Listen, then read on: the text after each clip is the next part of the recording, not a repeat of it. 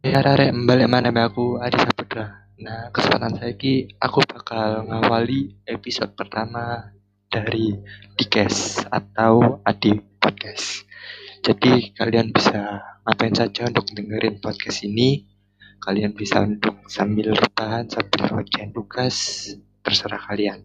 Jadi enjoy dalam mendengarkan Dikes ini. Saya ucapkan selamat datang Dikes. Oke, pada episode pertama Dikes kali ini saya bakal ngalor ngidul bahas tentang COVID-19 atau virus corona. Jadi di episode pertama ini juga saya bakal sedikit memberi ilmu tentang apa itu corona, bagaimana cara mencegah cara mencegah dari corona ini, bagaimana penyebarannya dan berita-berita yang viral di Indonesia tentang corona. Dan sebelumnya saya mau mohon maaf apabila audionya tidak stabil karena saya hanya merekam dengan alat yang seadanya saja. Jadi mohon dimaklumi dan semoga kalian enjoy dalam mendengarkan podcast ini. Jadi corona ini adalah sebuah virus yang penyebaran pertamanya itu melalui apa terjadi di daerah Wuhan. Dan coronavirus ini sebenarnya adalah virus lama tetapi yang sekarang sedang terjadi itu bukan virus corona tetapi COVID-19 coronavirus ini sudah sebenarnya sudah ada sejak dulu seperti kejadian SARS, kejadian MERS dan mungkin karena sekarang perkembangan teknologi sudah semakin canggih COVID-19 se- seperti apa ya seperti ya tidak terkendali beritanya jadi coronavirus ini adalah sekumpulan virus dari subfamili Orthocoronavirinae dalam keluarga Coronaviridae dan Ordonidovirales. Kelompok in- virus ini dapat menyebabkan penyakit pada burung dan mamalia, termasuk manusia. Pada manusia, coronavirus menyebabkan infeksi yang umumnya ringan. Dan corona virus ini ditemukan pada tahun 1960. Oke, jadi coronavirus ini ditemukan per- pertama kali pada tahun 1960. Ya, 1960-an dan virus pertama yang ditemukan adalah virus bronkitis infectious pada ayam yang pada saat itu diberi nama diberi nama human coronavirus 229E dan human coronavirus OC43 dan lalu mulai adanya identifikasi diidentifikasi secara terus menerus kita akhirnya mengenal juga dengan SARS-CoV. Lalu ada MERS pada tahun 2012 dan sekarang ada COVID-19 dan kalau kita lihat dari wabah penyakit atau sorry kalau kita lihat dari tingkat re- kerelatifan dari wabah coronavirus ini wabah coronavirus COVID-19 ini adalah salah satu yang paling tinggi dibandingkan SARS dan MERS. Yang paling tinggi kedua itu ada MERS 2012 itu pun masih 400-an tetapi COVID-19 ini sudah kurang lebih 19.000 lebih. Bahkan di Amerika Serikat itu sudah tembus sampai 100.000 wow jadi pandemi coronavirus 2019 atau yang kita kenal sebagai COVID-19 itu pertama kali disebabkan oleh coronavirus jenis baru yang bernama SARS-CoV-2 dan dideteksi pertama kali di kota Wuhan, Provinsi Hubei, Tiongkok pada bulan Desember 2019 dan telah ditetapkan sebagai pandemi. Jadi saya juga di sini akan bahas tentang apa itu pandemi. Jadi pandemi itu adalah semacam epidemi penyakit yang menyebar secara luas di wilayah yang terjangkau banyak orang, misalnya benua ataupun di seluruh dunia. Penyakit endemik yang meluas dengan jumlah orang yang terinfeksi yang stabil bukan merupakan endemi. Jadi pandemi yang kita kenal selama ini ada HIV/AIDS, lalu ada COVID-19 ini tentunya, lalu ada pandemi influenza pada tahun 1918 dan ada pandemi flu 2009 atau H1N1. Dan hingga 28 Maret telah tercatat sekitar 620 ribu kasus COVID-19 yang telah dilaporkan di lebih dari 190 negara dan teritori. Teritori itu apa ya?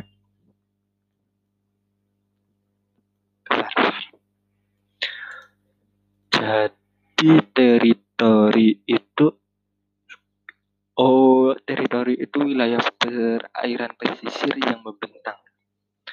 Jadinya semacam pulau gitulah ya mungkin dan mengakibatkan lebih dari 28.000 kasus kematian dan sudah ada 137 yang sembuh.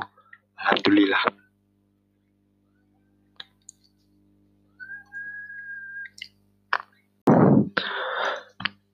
Dan virus SARS-CoV-2 ini diduga diduga ya menyebar di antara orang-orang terutama melalui droplet atau percikan pernafasan yang dihasilkan selama batuk. Jadi kalau kalian batuk itu pasti kan ada percikan atau seperti air air liur dalam mulut itu keluar. Nah, itu percikan ini juga dapat dihasilkan dari bersin dan pernafasan normal. Selain itu, virus ini dapat menyebar akibat menyentuh permukaan benda yang terkontaminasi dan kemudian menyentuh wajah seseorang. Maka dari itu, WHO telah menyarankan kalau jang kalau kalian belum cuci tangan, kalian tidak diperkenankan untuk memegang apa pun. Oke. Jadi periode ini, periode COVID-19 ini kurang lebih lima hari, tetapi dapat berkisar hingga 2 sampai 14 hari. Maka dari itu banyak apa pemerintah kalau sedang meliburkan atau sedang melakukan apa-apa itu ditutupnya 14 hari untuk mencegah penularan virus secara terus-menerus. Dan gejala umum di antaranya seperti demam, batuk, dan juga ada sesak nafas. Dan mungkin kalian juga sudah pada ngerti bagaimana cara untuk mengatasi apa cara pencegahan secara masif di rumah yaitu gimana ya paling penting jika kalian sedang beraktivitas di luar rumah atau di luar ruangan pastikan kalian menggunakan masker masker. Yang memang masker itu hanya diperuntukkan untuk orang yang sedang sakit tetapi kalian juga bisa menggunakan masker masker kain atau apa untuk jaga-jaga. Lalu kalian juga bisa untuk rutin mencuci tangan dengan air dan sabun atau dengan hand sanitizer yang mengandung alkohol. Jadi ya lalu jangan menyentuh mata, mulut, dan hidung sebelum mencuci tangan. Dan kalian juga bisa untuk hubungi hotline virus dari Kementerian Kesehatan. Jadi ya gitu untuk penjelasan sedikit tentang virus corona. Semoga kalian memahami dan semoga kalian paham dan semoga kalian terhindar dari penyakit ini. Dan up next, selanjutnya saya bakal bahas tentang berita-berita yang sedang viral, sedang viral di Indonesia seputaran coronavirus ini.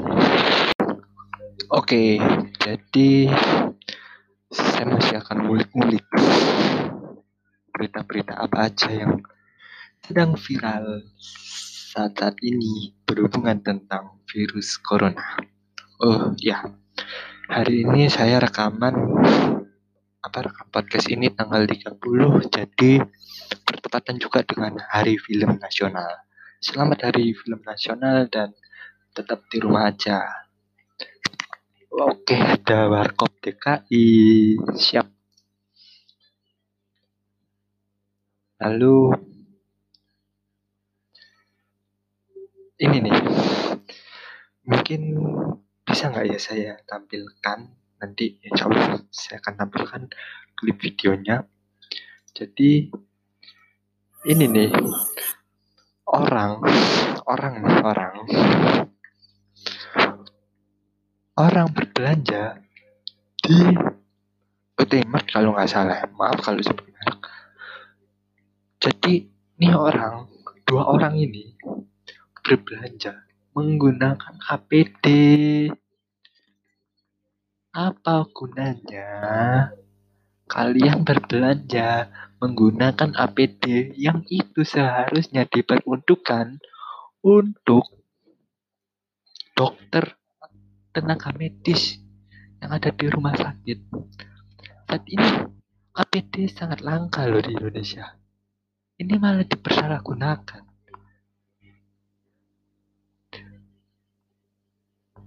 Gak ada otak emang nih orang-orang Indonesia ini.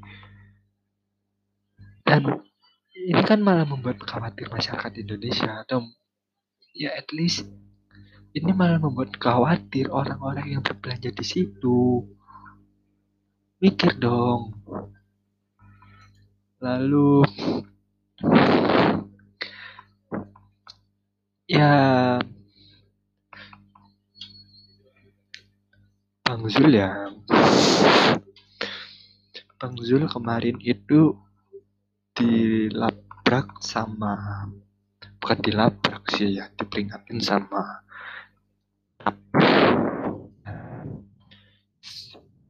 Arab itu suruh nge-report akun IG-nya dia dan terjadi benar-benar terjadi. Akunnya Bang Zul akhirnya hilang. Sekarang saya nggak tahu apa akun dari Bang Zul yang sang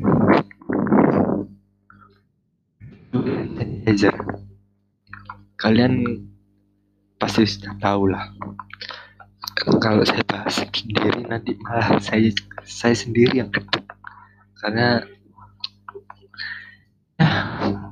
kelakuan kelakuannya sudah tidak ada otak diperingatin malah melunjak. Banyak yang ngebahas dia jadi saya nggak perlu bahas lah apa ya berita-berita yang viral saat ini ini ada berita kalau Surabaya bakal Surabaya bakal melakukan akan berlakukan karantina wilayah. Jadi Kota Surabaya akan memperlakukan karantina wilayah untuk meminimalisir penyebaran COVID-19. Untuk itu, Pemkot Surabaya akan meng-screening keadaan meng-screening kendaraan dan masyarakat yang akan masuk di kota masuk akan masuk kota di 19 pintu masuk dan um,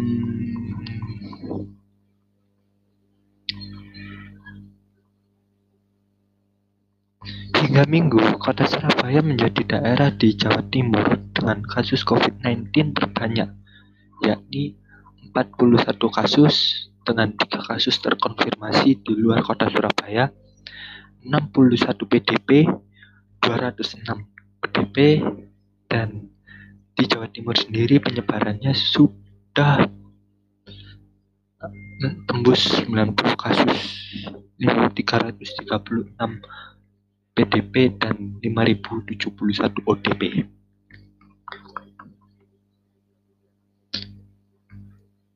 Hal ini kembali ke berita yang tadi, hal itu juga dibenarkan oleh Muhammad Fixer, Kepala Dinas Komunikasi Kota Surabaya yang mengaku Pemkot Pemkot saat ini sedang dalam tahap penyusunan SOP agar karantina wilayah dapat dilaksanakan dan dipahami oleh semua jajaran. Kami lagi membahas bersama kepala OPD untuk kita siapkan satu protap yang bijak dan bisa dilaksanakan di bawah. Kami tahu ini akan menjadi satu diskusi tapi Pemkot ambil kebijakan ini untuk warga dan kota ini. Ini masih dibahas dan semoga segera dapat dilaksanakan. Kalau Surabaya di lockdown lokal, saya nggak masalah karena saya keseharian saya memang sudah di rumah. Saya sudah ada bahan dan nggak ada corona pun saya nggak akan keluar rumah karena saya adalah salah satu tipe manusia yang hidupnya memang ada di rumah, tidak keluar, tidak menghirup udara dan ya. Ya mungkin salah satu tipe orang manusia yang rebahan mulu rebahan is my life dan oke okay, mungkin sambil kita kali-kali saya kali-kali berita mungkin saya bakal jelasin kepada kalian apa perbedaan dari ODP, PDP, dan suspek. Ini mungkin juga salah satu bisa salah satu ilmu yang bisa saya sampaikan kepada kalian.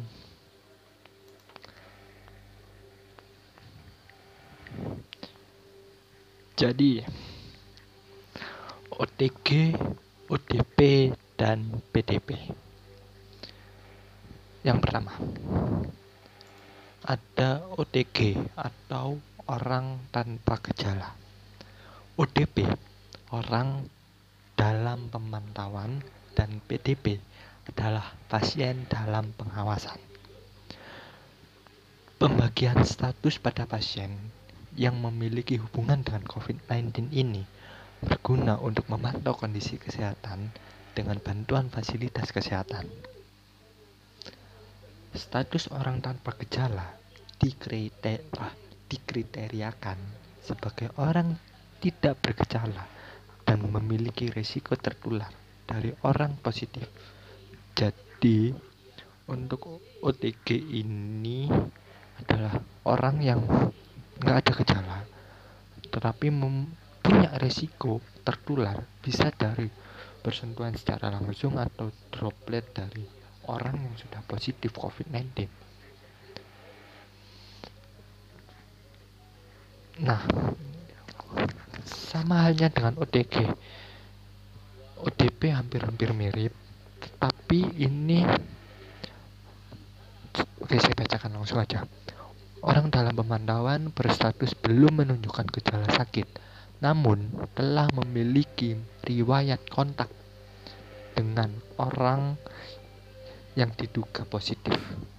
Jadi kalau OTG tadi memiliki resiko, tetapi ODP ini sudah memiliki riwayat, sudah bersentuhan, sudah bertatap muka. Dan tapi dia belum dia belum menunjukkan gejala sakit seperti ya seperti batuk, seperti pilek, sakit tenggorokan dan lain sebagainya. Lalu untuk PDP ini PDP sudah memiliki riwayat gejala.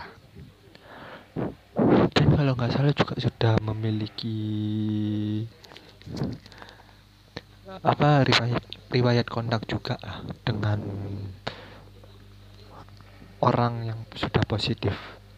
Jadi itu kalian harus bisa membedakan karena dalam keadaan kayak gini bakal banyak sekali hoax-hoax bertebaran yang menyangkut pautkan ODP, PDP, dan suspek. Oke, saya akan lebih perjelas lagi. Panjang-panjang dah satu jam satu jam dah ini. Saya nggak peduli.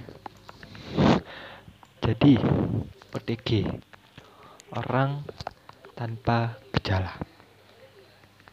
Yang pertama, orang yang tidak bergejala dan memiliki resiko tertular dari orang positif COVID-19. Dua, orang tanpa gejala merupakan kontak erat dengan kasus positif COVID-19. Lalu, orang dalam pemantauan. Orang yang memiliki demam lebih dari 38 derajat atau riwayat demam atau gejala gangguan sistem pernafasan seperti pilek atau sakit tenggorokan atau batuk dan selama 14 hari terakhir sebelum timbul gejala memiliki riwayat perjalanan di wilayah-wilayah yang sudah melaporkan adanya positif corona ini. Lalu yang kedua, orang yang memiliki gejala gangguan sistem pernafasan seperti pilek atau sakit tenggorokan dan 14 hari terakhir telah timbul gejala memiliki riwayat kontak dengan kasus positif. Jadi kalau OTG itu hanya diduga untuk memiliki kontak erat dengan kasus yang sudah positif. Lalu kalau ODP ini juga ada riwayat perjalanan riwayat perjalanan dalam 14 hari terakhir. Lalu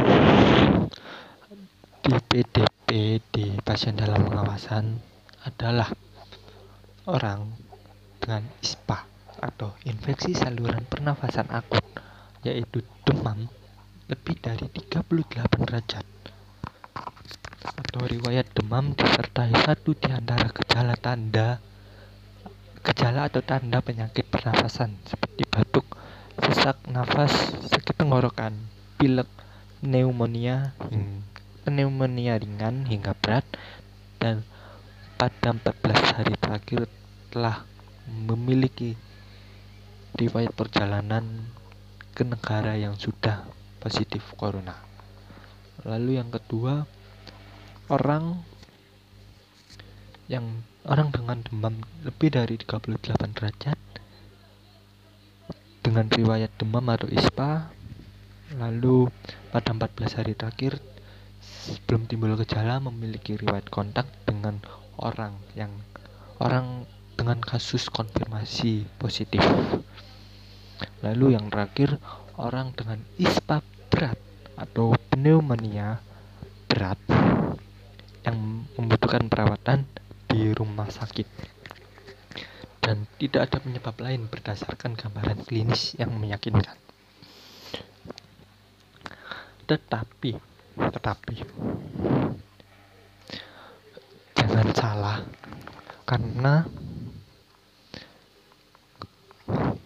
sekalipun kalian tidak ada gejala atau sekalipun kalian sehat-sehat saja, kalian bisa saja kena sama halnya seperti kasusnya Pak BKS Pak Budi Karya Sumadi yang awalnya itu mereka siapa ya? Bukan Budi Karya. Budi Karya ini kalau nggak salah ada riwayat untuk perjalanan-perjalanan jauh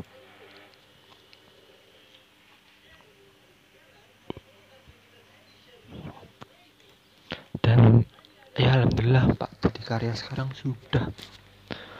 Sudah apa ya sudah baiklah ini nih ini, ini saya bakal bahas tentang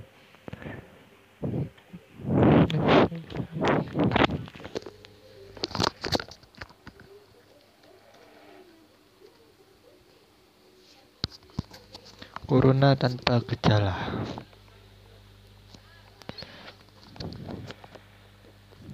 Banyak loh. Dan saya, saya liput dari indozone.id bahwa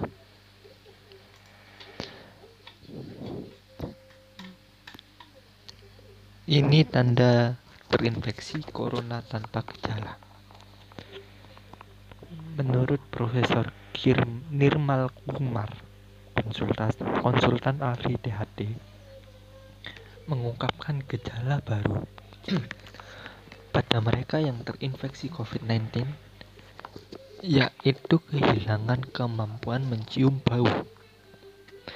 Nirmal Kumar mengatakan bahwa hidung menjadi pintu masuk utama saat seorang bernafas dan droplet yang terinfeksi virus corona. Ini menunjukkan bahwa virus bisa saja sedang berdiam di hidung.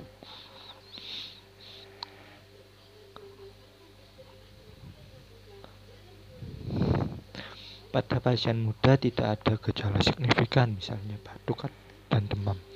Tetapi mereka mungkin bisa kehilangan kemampuan mengecap dan mencium mencium bau yang menunjukkan virus berada di berdiam di hidung lalu ya pokoknya intinya kalau orang yang nggak ada gejala sama sekali itu kehilangan kemampuan hilangnya kemampuan indera penciuman dan indera pengecap. Gejala ini juga baru diketahui di komunitas medis.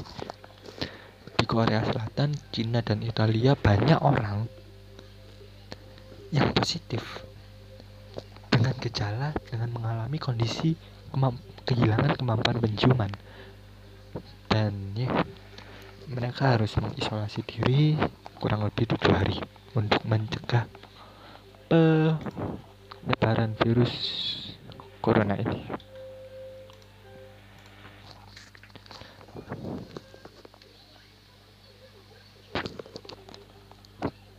Dokter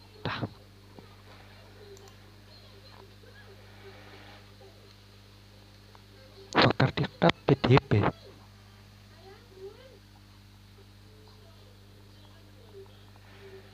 wow. Uh iya.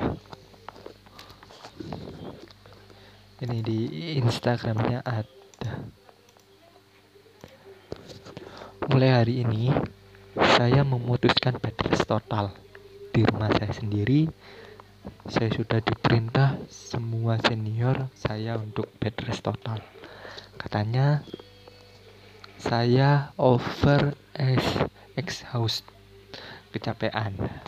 Hampir 14 hari sudah saya saya di jalanan. Ada dua puluhan rumah sakit saya samperin dan nggak tahu berapa orang saya edukasi. Ketemu dokter di IGD ketemu di rut ini mendadak keluar mereka dan akhirnya bener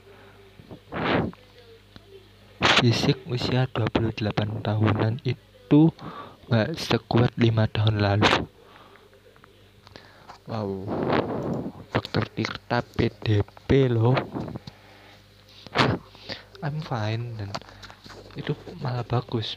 Dia peduli dan dia sangat aware dengan kesehatan dia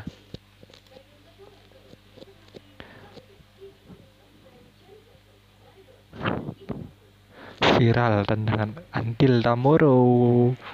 Saya enggak untung saya enggak ikut-ikut. Until Tomorrow.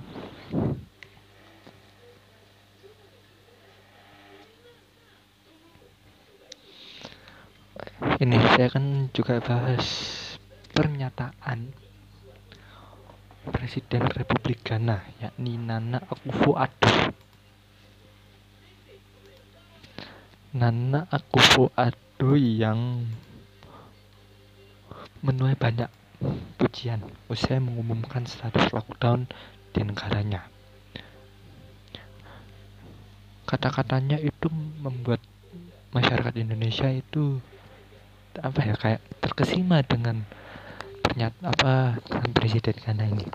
Dengarkan baik-baik. Kami tahu cara menghidupkan kembali ekonomi yang kami tidak tahu adalah cara menghidupkan kembali manusia.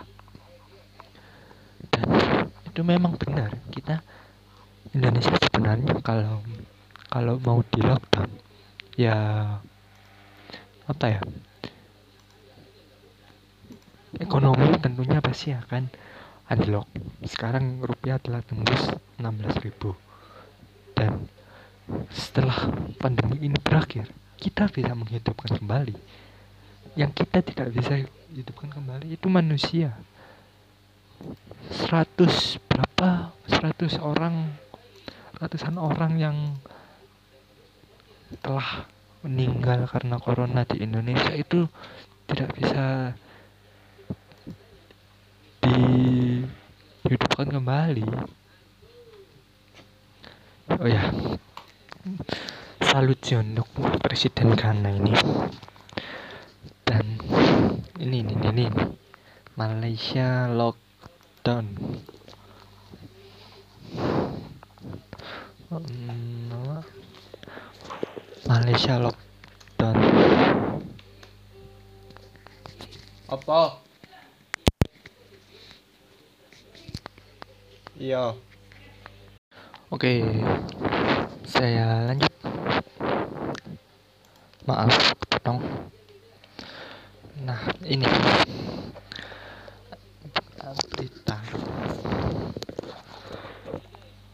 Berita kalau Malaysia telah melakukan lockdown di negaranya. Dan pemerintahnya telah menyed akan menyediakan internet gratis diskon pembayaran listrik. Ya, kalian nggak salah dengar, kalian nggak salah baca. Pemerintah Malaysia sediakan internet gratis dan diskon pembayaran listrik.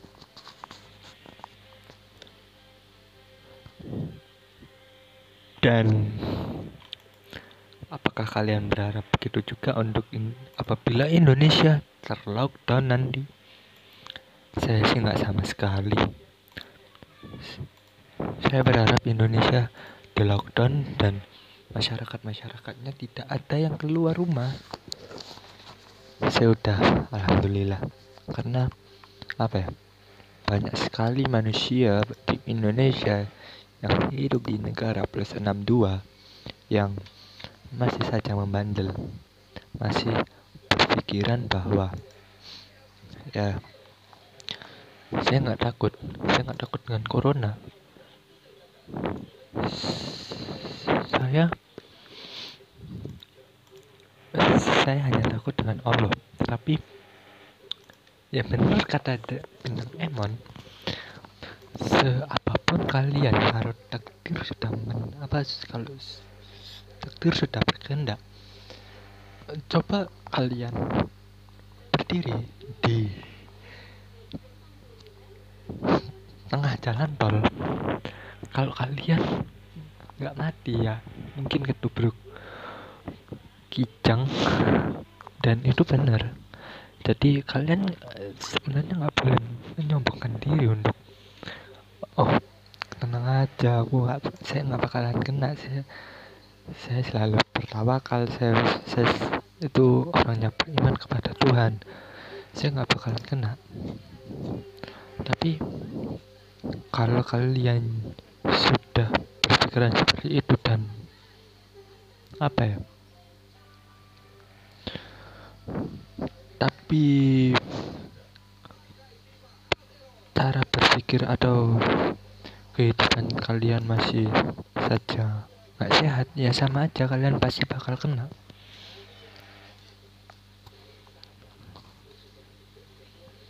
saya nggak pikir sama orang-orang yang kayak gitu orang-orang yang apa ya masih memikirkan egonya sendiri tanpa memikirkan apa yang akan berdampak di masyarakatnya.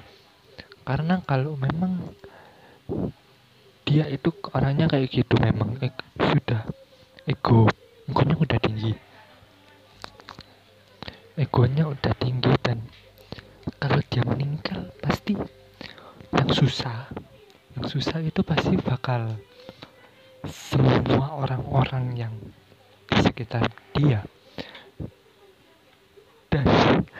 ini juga saya kutip dari pernyataannya bintang Emon.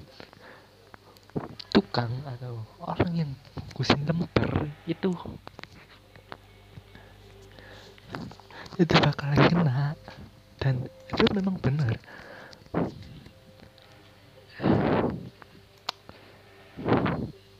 Ya. Semoga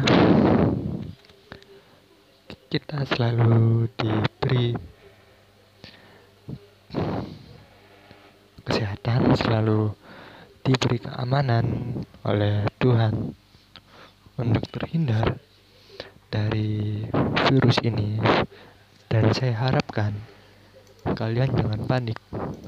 Kalian jangan sekali-sekali mencoba untuk menggunakan APD di supermarket.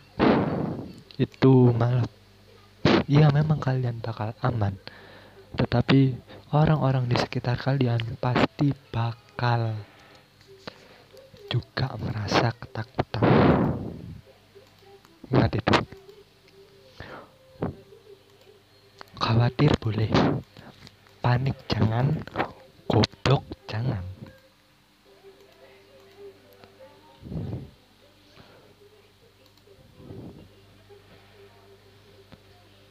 Dan kalau dipikir apakah Indonesia perlu untuk lockdown?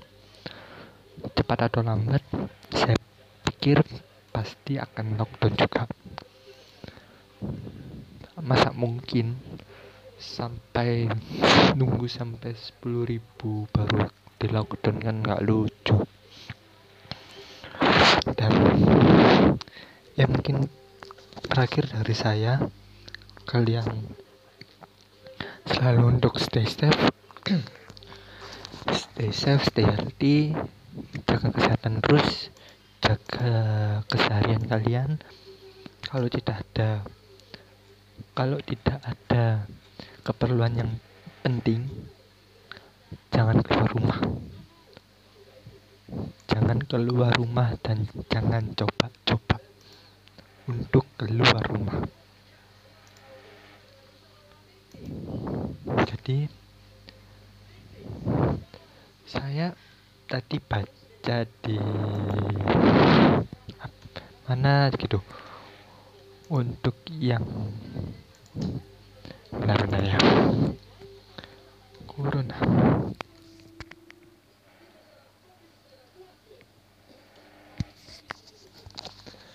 Ini saya baca kesadaran masyarakat adalah hal terpenting dan di terakhir saya suka banget kata-katanya. Berjuang kita mati tidak berjuang kita mati sekalipun kita mati. Karena mati itu sudah ada di tangan Tuhan. Kalian akan tahu mati kalian karena faktor apa. Jadi kalau kalian di sini berpikiran kan balik lagi anjing kalau kalian di sini berpikiran kalau ah saya nggak bakal mati dan saya nggak bakal kena kalian masih bakalan mati. Dan kalian diam sekalipun kalian akan mati juga. Jadi terakhir dari saya terima kasih. Matur suwun sangat. Matur nuwun sedaya sing wis deleng wis ngrungokno video podcast iki sepurane sing kata DPE aku ana salah-salah kata atau teko faktor. Teknis video podcast dewe aku ya bro iki podcast pertama dan saya harapkan dan next next podcast saya bisa untuk lebih baik lagi. Tolong support saya dalam cara apa pun.